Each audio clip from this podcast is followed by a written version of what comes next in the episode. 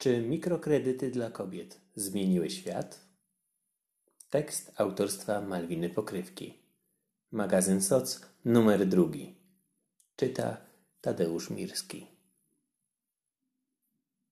Czym jest tak naprawdę mikrokredyt?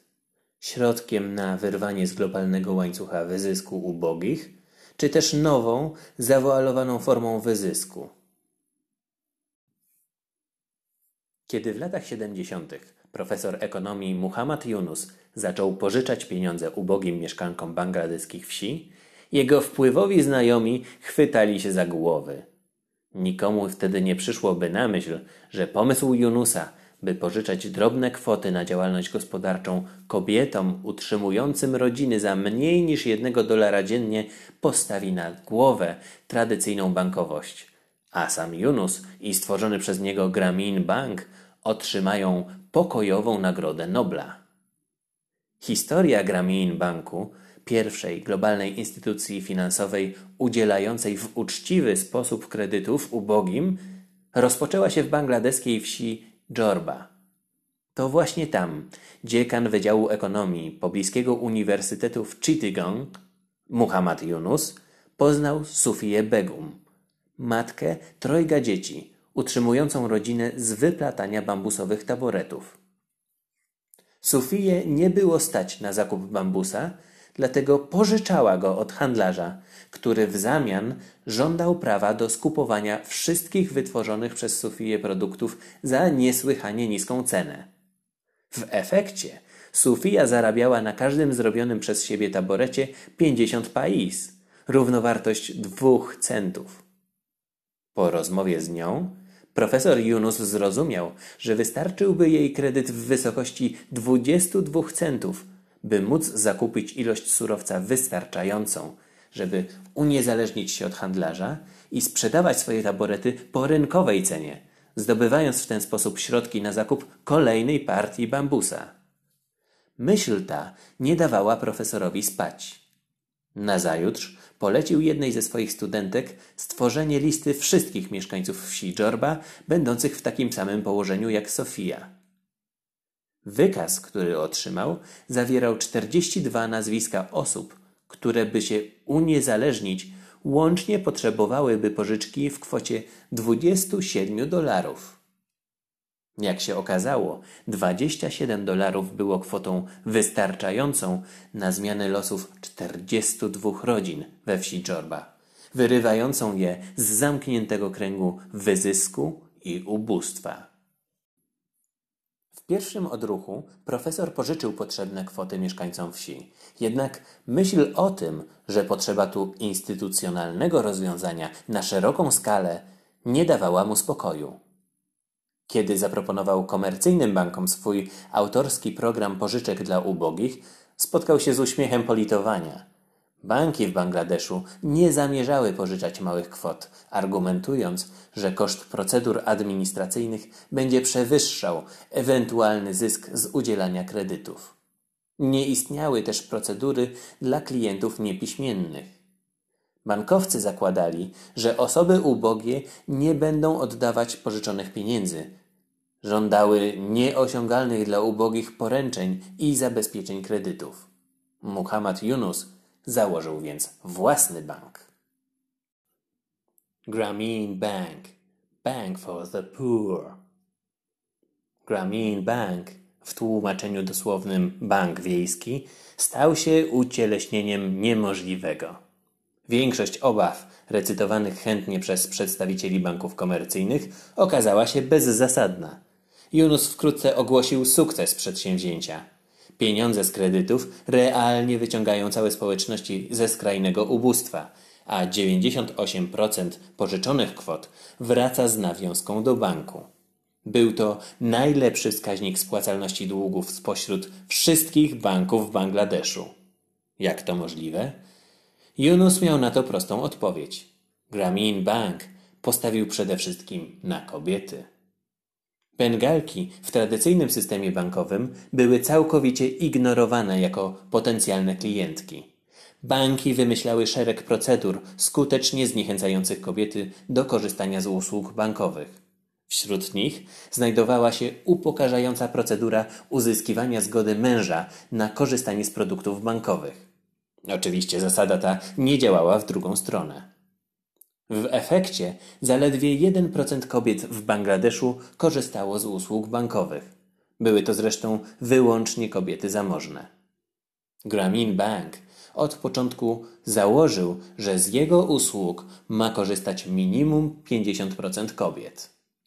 Dynamiczny zespół pracowniczek banku rozpoczął długą wędrówkę po domach mieszkanek wsi, ucząc się stopniowo polemiki z argumentami w rodzaju pieniędzmi zajmuje się wyłącznie mąż, pieniądze są nieczyste, kobiecie nie przystoi zajmować się pieniędzmi.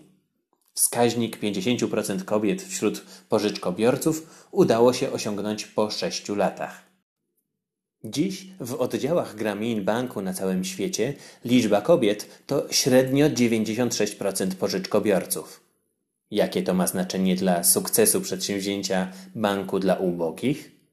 Yunus tłumaczy ten związek wychodząc od sytuacji społeczno-ekonomicznej kobiet w krajach ubogich, takich jak Bangladesz. Kobieta przez całe życie wysłuchiwała, że nie ma z niej pożytku, że przynosi jedynie nieszczęście swojej rodzinie oraz że nie stać ich na opłacenie jej posagu. Wielokrotnie słyszała od matki lub ojca, że żałują, iż nie zabili jej w chwili narodzin, że nie usunęli płodu, że jej nie zagłodzili na śmierć. Dla swojej rodziny była dotychczas niczym więcej, jak tylko kolejną osobą do wykarmienia, kolejnym posagiem, który trzeba opłacić. Ale dzisiaj, pierwszy raz w życiu, instytucja finansowa powierza jej dużą sumę pieniędzy. Kobieta składa obietnicę, że nigdy nie zawiedzie banku ani samej siebie. Wysokie wskaźniki spłacalności długów wynikały zdaniem Junusa ze świadomości kobiet, że owocna współpraca z Grameen Bankiem to ich jedyna szansa na niezależność ekonomiczną i wyjście z beznadziejnego położenia społecznego, które było doświadczeniem ich matek i babci. Dlatego właśnie Bank od początku, zamiast mnożyć biurokratyczne procedury zabezpieczające pożyczone pieniądze, stawiał na budowanie relacji zaufania z pożyczkobiorczyniami. Przechodziły one szczegółowe szkolenia przed udzieleniem kredytu, informujące je o ich prawach i obowiązkach wynikających ze współpracy z bankiem, które kończyły się testem wiedzy.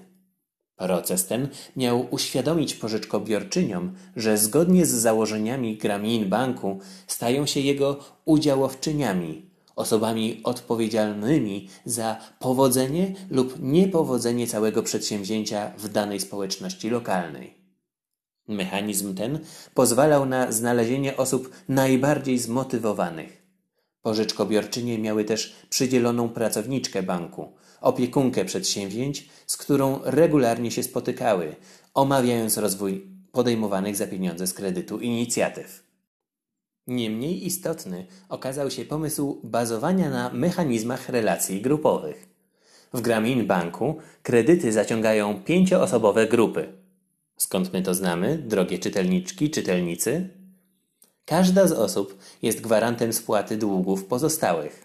Grupa ma swoją liderkę, która w jej imieniu kontaktuje się z bankiem. Najpierw kredyty otrzymują pierwsze dwie osoby z danej grupy. Jeśli spłacą go w przeciągu sześciu tygodni, pożyczka zostaje udzielona dwóm kolejnym osobom. Liderka dostaje kredyt na samym końcu. W ten sposób bank wykorzystuje wiedzę, jaką mają o sobie sąsiadki, rodzina i znajomi. Jeśli ktoś nie cieszy się zaufaniem społecznym, nie zostanie zaproszony do grupy i nie stanie się pożyczkobiorcą banku.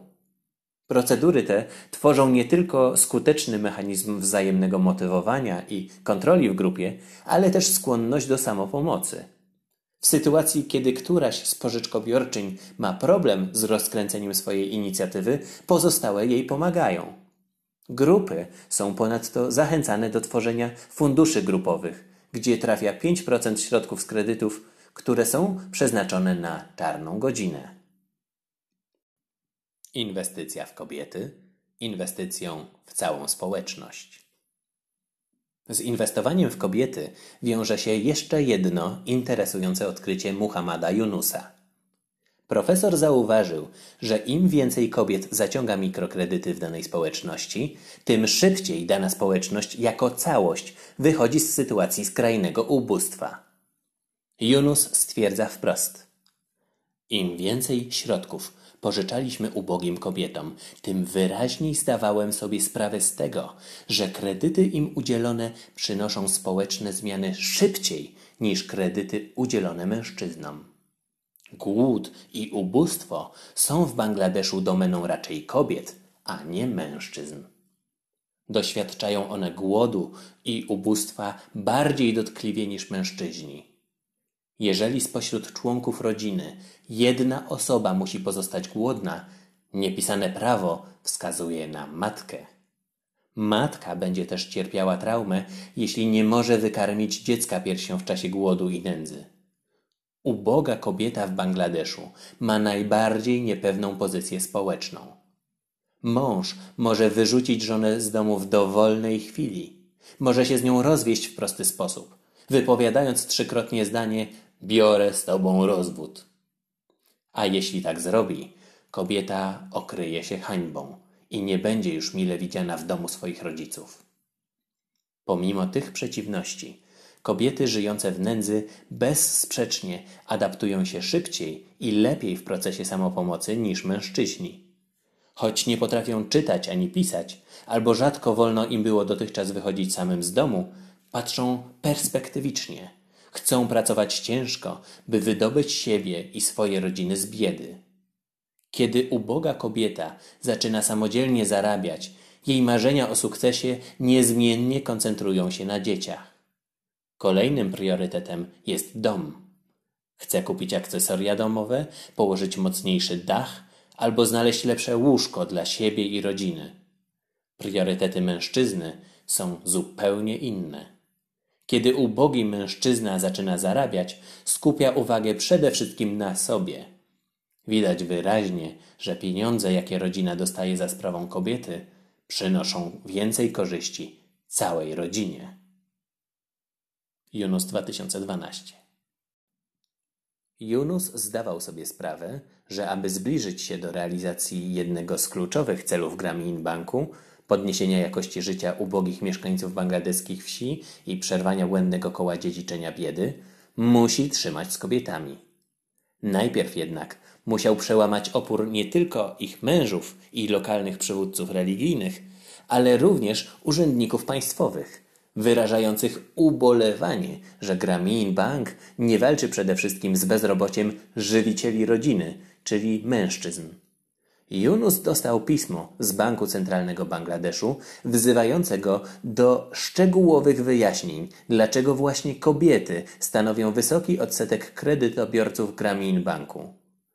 Pismo zwrotne Yunusa z zapytaniem, czy bank centralny kiedykolwiek zadawał innym bankom z kraju pytanie, dlaczego mężczyźni stanowią miażdżącą większość ich kredytobiorców, pozostało bez odpowiedzi. Teza o zaangażowaniu kobiet kredytobiorczyń w poprawę jakości życia i tworzenie perspektyw życiowych dla całych rodzin, nierzadko też szerzej społeczności lokalnych, okazała się trafiona. Świadczą o tym wyniki badań przeprowadzonych przez Bank Światowy wśród kredytobiorców mikrokredytów w Bangladeszu. W raportach z badań przewijają się jednoznaczne wnioski. Dochody 99% pożyczkobiorców zwiększyły się w sposób trwały. 96% badanych doświadczyło poprawy jakości życia, dostępu do lepszych warunków mieszkalnych i sanitarnych, potrzebnej ilości żywności i odzieży. W przypadku 88% respondentów korzystanie z mikrokredytu umożliwiło posłanie dzieci do szkoły. 55% pozwoliło na nabycie ziemi uprawnej. Grameen Bank nie ogranicza swojej działalności do pożyczania pieniędzy. Pożyczkobiorcy, którzy stają się jego udziałowcami, mogą liczyć na tanie ubezpieczenia, programy emerytalne, korzystne lokaty, dostęp do opieki zdrowotnej, udział w programach edukacyjnych, dostęp do telefonu, internetu, odnawialnych źródeł energii. Ogromna skala działania banku pozwoliła na zorganizowanie szeregu spółek działających dla zysku, które umożliwiają najuboższym dostęp do wymienionych wyżej usług. Koszty inwestycyjne są w całości pokrywane przez Grameen Bank, który od kilkunastu lat nie pozyskuje już środków od prywatnych donatorów na rozruch swoich kolejnych inicjatyw. Jak uzasadnia Yunus, skuteczność mikrokredytów w wyciąganiu ludzi z biedy jest tak wysoka, że ogromny odsetek kredytobiorczyń z czasem przekształca się w inwestorki, korzystając już nie tyle z samych kredytów, co z lokat, funduszy inwestycyjnych, depozytów. Nie są to na ogół wysokie kwoty oszczędności, jednak ich liczba w połączeniu z odsetkami z kredytów generuje ogromny kapitał, którym zarządza Grameen Bank. W tej chwili kwota depozytów składanych w Grameen Banku przekracza o 145% wartość udzielonych kredytów.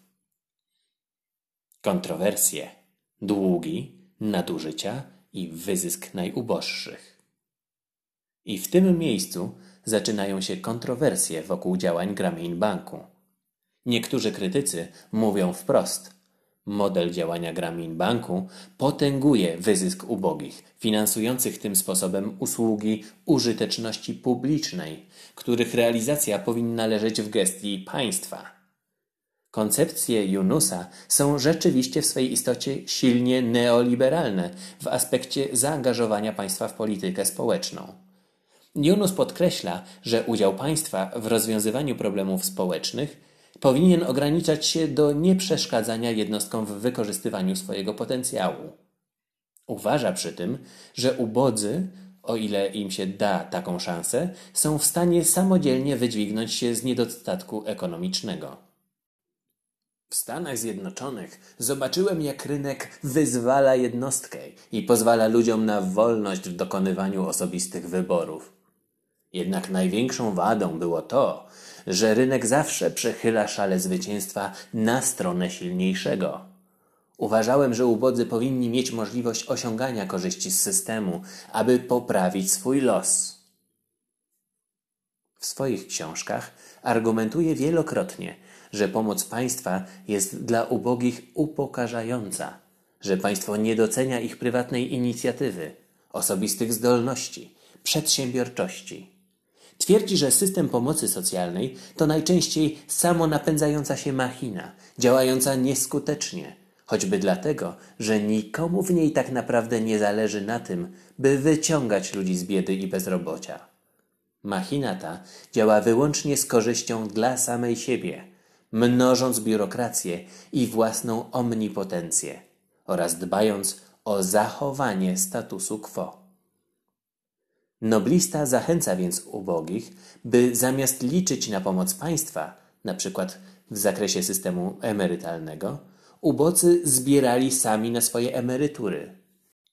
Grameen Bank wymaga od wszystkich klientek, których kredyt przewyższa 138 dolarów, by co miesiąc wpłacały nie mniej niż 86 centów na konto oszczędności emerytalnych. Krytycy idei mikrokredytowania, rozumianej jako substytut polityki społecznej państwa, wskazują z kolei, że problemy, które napotykają ubodzy, nie tyle wynikają z braku dostępu do kredytów, co z błędów w polityce gospodarczej i społecznej państwa. Przejmowanie inicjatywy może po pierwsze demotywować instytucje państwowe do wdrażania nowych programów, po drugie, usypiać potencjał ubogich w walce o swoje prawa obywatelskie, takie jak na przykład prawo do dostępu do czystej wody, służby zdrowia i oświaty, infrastruktury drogowej.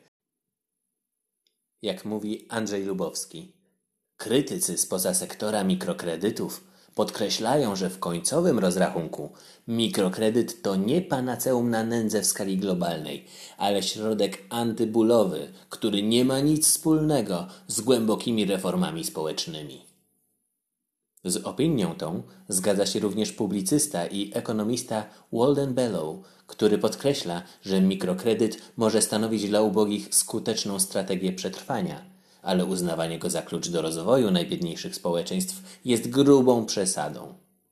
Krytykuje mikrokredytowanie za to, że przypomina rzucanie okruchów najbiedniejszym, utrzymujący ich zadowolenie na znośnym poziomie, ale nie kreujące zmian systemowych.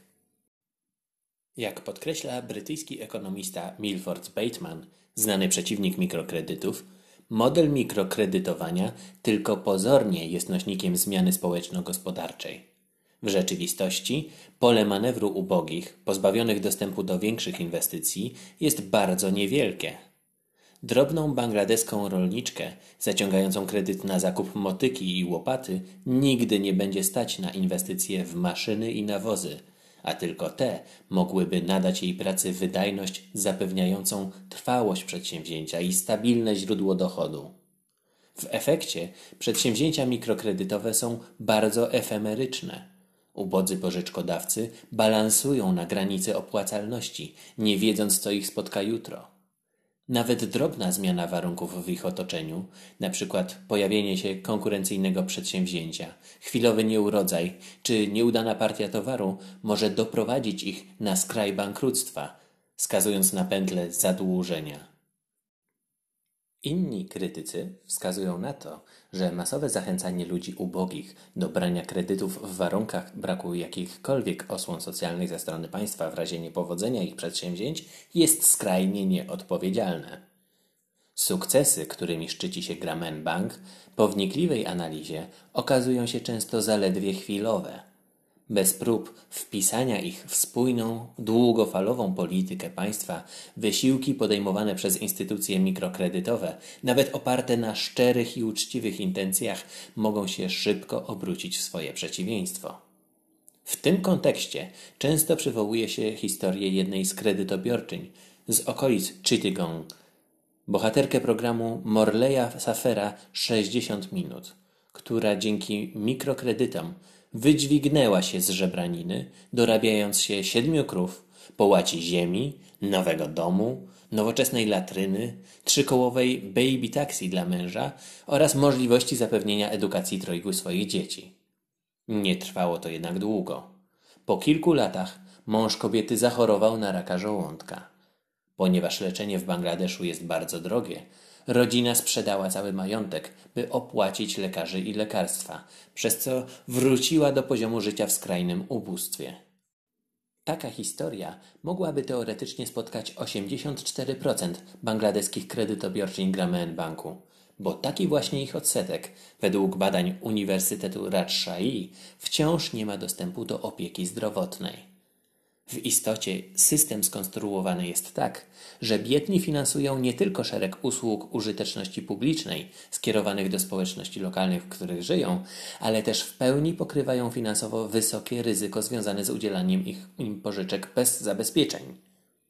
Odsetki od udzielanych im mikrokredytów w Grameen Bank wynoszą 20%. To znacznie mniej niż pożyczki u lichwiarzy, na które byli dotąd skazani ubodzy bez zdolności kredytowej, ale też dużo więcej niż oprocentowanie pożyczek dla bogatszych od nich. Jak wskazuje ponadto Gerhard Klass, autor książki o złych praktykach instytucji udzielających kredytów ubogim, kredyt zawiera ponadto nierzadko wiele kosztów ukrytych, w efekcie czego oprocentowanie jest jeszcze wyższe niż 20%. Koszty te pokrywają w całości ubogie kredytobiorczynie swoją pracą. Praca jest tu pojęciem kluczowym, ponieważ tym, co uderza najbardziej w dyskursach wokół mikrokredytów, jest brak informacji o tym, ile, w jakich warunkach i jakim kosztem musi pracować przeciętna kredytobiorczyni, by spłacić obciążające ją zobowiązania. Niemal wszystkie narracje o mikrokredytowaniu i związanych z nim sukcesach opierają się na dwóch punktach: opisie sytuacji danej kobiety przed wzięciem przez nią kredytu oraz opisie poprawy w jej sytuacji życiowej. Odnosi się wrażenie, że przeskok między tymi dwoma punktami odbywa się w bliżej nieokreślony magiczny sposób. Nie wiemy, jak wygląda praca wkładana w spłacanie pożyczki i ponoszenie towarzyszących jej kosztów. Lamira Karim, której badania etnograficzne w Bangladeszu cytuje w swojej książce Gerhard Klass, wskazuje, że bolesne bywają też koszty społeczne związane z modelem mikrokredytowania. Pozornie integrująca i generująca mechanizmy samopomocowe idea brania pożyczek przez pięcioosobowe grupy ma też, jak się okazuje, swoją ciemną stronę. Karim odkryła w swoich badaniach niepokojące konsekwencje przerzucania obowiązku egzekwowania spłat z banku na same kobiety należące do tej samej grupy kredytobiorczyń. Można wśród nich wymienić niszczenie lokalnej solidarności i kapitału społecznego, wzrost wzajemnej podejrzliwości, wdrażanie licznych, daleko idących narzędzi kontroli. Jak zauważa Karim, Kobiety śledzą się nawzajem i nadzorują wydatki innych członkiń grupy, wręcz zaglądając im do garnków i analizując wszystkie ich zakupy. Czasami ma to tragiczne w skutkach konsekwencje, jak na przykład w niektórych indyjskich prowincjach, gdzie naciski na osoby nie będące w stanie spłacić swoich pożyczek ze strony pracowników instytucji mikrokredytowych i samych mieszkańców danej wioski powodowały presję skutkującą falą ucieczek kobiet z rodzinnych wsi do miejskich slumsów oraz falą samobójstw. Pod naciskiem opinii publicznej władze indyjskiego stanu Andhra Pradesh uchwaliły restrykcyjne prawo regulujące sposoby pożyczania pieniędzy i windykacji. Marzenia w kredycie. Rozwiązanie to stoi jednak w opozycji do stanowiska Bank i innych instytucji udzielających mikropożyczek na całym świecie, które sprzeciwiają się konsekwentnie regulacjom prawnym wysokości odsetek oraz praktyk poboru rat kredytowych. W konsekwencji rynek mikrokredytów stał się niekontrolowanym obszarem prywatnych przedsięwzięć różnego typu. Często takich, które mają niewiele wspólnego z pierwotną ideą mikrokredytowania – Niemniej jednak korzystają z marki hasła mikrokredyt. W Meksyku średnie oprocentowanie kredytów dla ubogich wynosi 70%. Na świecie jest to średnio 37%. Brak regulacji prawnych chroniących ubogich kredytobiorców prowadzi ponadto do licznych, tragicznych w skutkach nadużyć, jak na przykład masowe udzielanie konsumpcyjnych mikrokredytów bez zachowania zasad rekomendowanych przez Bank osobom, które nie są w stanie ich spłacić, brutalne formy windykacji, publiczne upokorzenie dłużników, porwania czy wreszcie spłacanie długów poprzez świadczenie usług seksualnych. Kredytowanie ubogich miało stać się złotym środkiem na walkę z ubóstwem, który, jak powtarzał Yunus, sprawi, że biedę będzie można oglądać tylko w muzeum. Tymczasem komercjalizacja idei, zamiast doprowadzić do zwiększenia skali działania lokalnych inicjatyw mikrokredytowych na bazie dobrych praktyk Gramen Banku, stała się kolejnym sposobem na czerpanie przez bogatych korzyści z pracy ubogich. Obecnie wiele instytucji finansowych zajmujących się mikrokredytami to ogromne, podbijające giełdę międzynarodowe korporacje, jak na przykład SKS. SKS został założony jako organizacja pozarządowa. Jego przedsiębiorczy szef szybko przekształcił ją w bank. Debiut na giełdzie w Bombaju przyciągnął 350 milionów dolarów od inwestorów. W ciągu roku szef firmy sprzedał akcje za 13 milionów dolarów. Powiększyły jego prywatny majątek.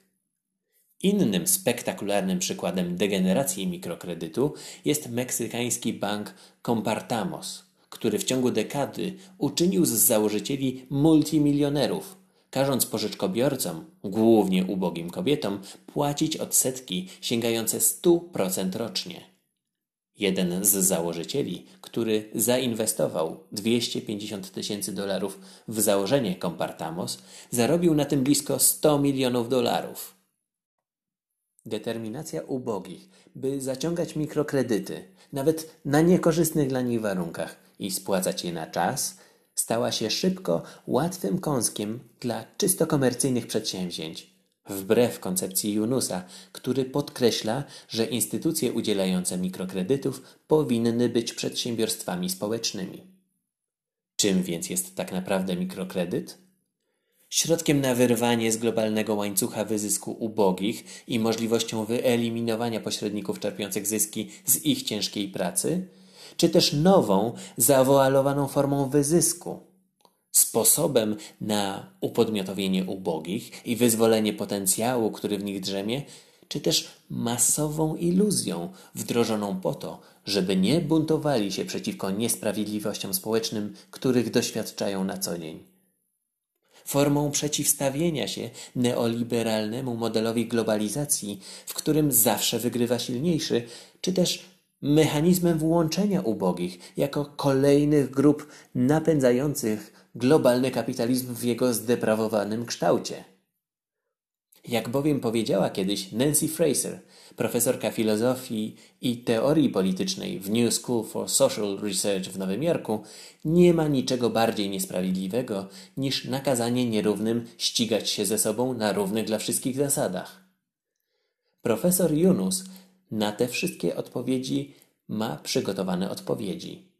Może i mikrokredyty nie rozwiązują obecnie wszystkich problemów, które dotykają ubogich, ale w przeciwieństwie do innych programów podejmowanych w ramach pomocy rozwojowej, stanowią krok do przodu w światowej walce z ubóstwem. Może i państwa powinny podejmować aktywność na rzecz poprawy warunków życia najbiedniejszych, ale tego nie robią albo robią nieskutecznie. To, co mimo wszystkich kontrowersji wokół idei mikrokredytów trzeba uczciwie uznać za ponadczasowy sukces koncepcji profesora Yunusa, to zmiana optyki w dyskursach na temat biedy. Yunus opowiedział światu o kobietach, które nazywano nieudacznikami, a które znakomicie opanowywały i ćwiczyły przedsiębiorczość na co dzień poprzez nieustanne kombinowanie, jak wyżywić rodzinę za mniej niż dolara dziennie. Może i mikrokredyt nie stanowi odpowiedzi na wszystkie czynniki składające się na nierówną sytuację ekonomiczną kobiet, ale z pewnością przyczynił się do zmiany losu wielu konkretnych kobiet, przed którymi pojawiły się możliwości dotąd niedostępne.